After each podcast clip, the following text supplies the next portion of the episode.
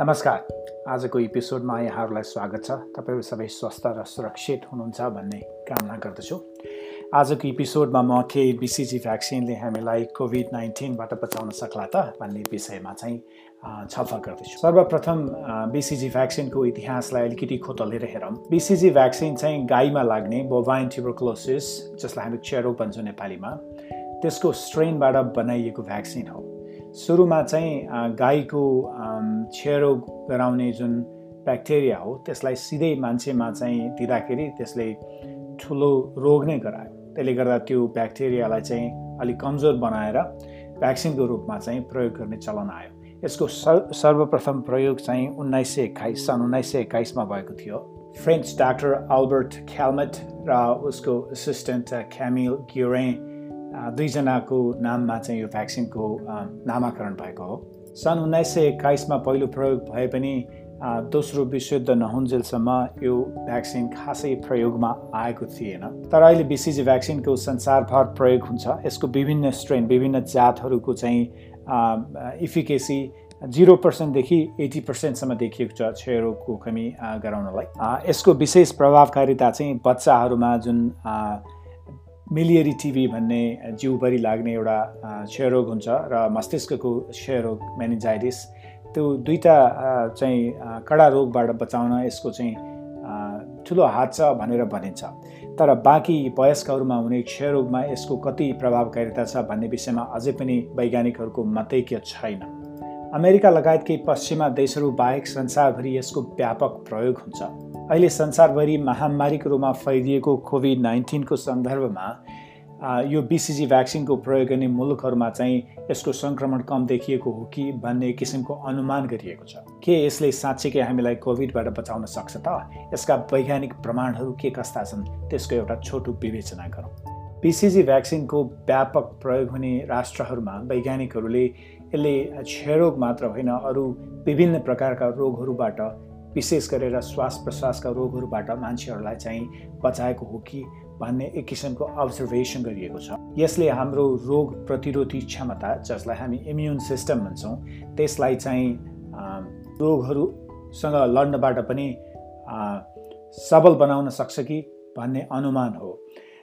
अन्कोलोजीको क्षेत्रमा क्यान्सरको क्षेत्रमा पनि यसको प्रयोग हुन्छ ब्लाडर क्यान्सर अथवा मूत्रथैलीको क्यान्सरमा पनि हामी यो प्रयोग गर्छौँ। यसले चाहिँ मूत्रथैलीको क्यान्सर बारम्बार फर्किनेबाट बचाउन सक्छ मान्छेलाई। अफ्रिकाको गिनिया विश्व भन्ने राष्ट्रमा बच्चाहरूलाई बिसिजी भ्याक्सिन दिँदाखेरि यसले अत्याधिक रूपमा चाहिँ कुपोषण अनि कम तौल भएका बच्चाहरूको जन्ममा चाहिँ कमी गराउन मद्दत गरेको हो कि भन्ने पनि देखिएको छ।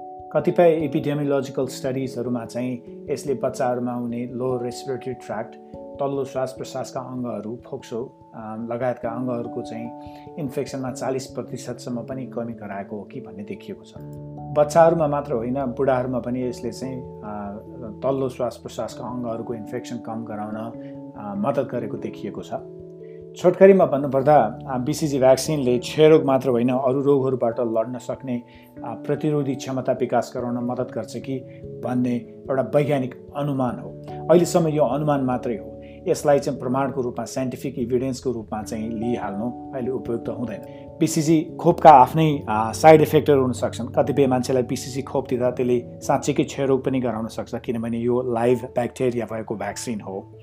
त्यसै गरेर कम प्रतिरोध क्षमता भएका इम्युन सिस्टम कमजोर भएका क्यान्सरका बिरामीहरू अथवा विभिन्न थरीका औषधि लिएका मान्छेहरू कुपोषणका मान्छेहरू तिनीहरूमा चाहिँ यसले व्यापक रूपमा चाहिँ हानि गर्ने सम्भावना पनि रहन्छ। अर्को एउटा ध्यान दिनुपर्ने कुरा के छ भने यो कोरोना भाइरसबाट जुन कोभिड नाइन्टिन रोग हुन्छ त्यो बिरामीहरूको चाहिँ फोक्सोले काम नगर्ने उनीहरू चाहिँ भेन्टिलेटरमा पुग्ने एउटा मुख्य कारण चाहिँ एक्युट रेस्पिरेटरी डिस्ट्रेस सिन्ड्रोम भन्छौँ हामी त्यसलाई। त्यो कारण पनि हो।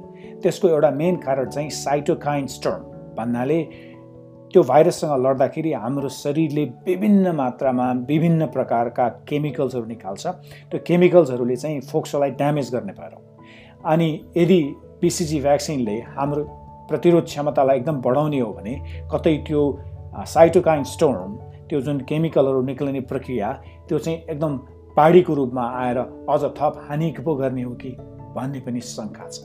त्यसको मतलब हामीले अहिले बिसिजी भ्याक्सिनलाई चाहिँ औषधिको रूपमा प्रयोग गर्नु अथवा चाहिँ बिसिजी भ्याक्सिन लिएको छु मैले पहिला त्यसमा सुरक्षित छु भनेर सोच्नु हतार हुन्छ। मेडिकल साइन्सको गोल्ड स्ट्यान्डर्ड भनेको ऱ्यान्डोमाइज कन्ट्रोल ट्रायल हो। अहिले चाहिँ बिसिजी भ्याक्सिन कोरोना भाइरसको विरुद्धमा कतिको प्रभावकारी छ भनेर दुईवटा ऱ्यान्डोमाइज कन्ट्रोल ट्रायल अध्ययनहरू हुँदैछन्। एउटा चाहिँ अस्ट्रेलियामा त्यसमा चाहिँ एउटा डाक्टर नर्स रेस्पिरेटरी थेरापिस्ट र अरू स्वास्थ्य कार्यकर्ताहरूको ग्रुपमा एउटालाई चाहिँ भ्याक्सिन दिने एउटालाई चाहिँ प्लसिभो दिएर चाहिँ यसको इफेक्टिभनेस जाँच्ने तयारी भइरहेको छ। त्यस्तै खालको क्लिनिकल ट्रायल चाहिँ अहिले नेदरल्यान्ड्समा पनि सुरु भएको छ।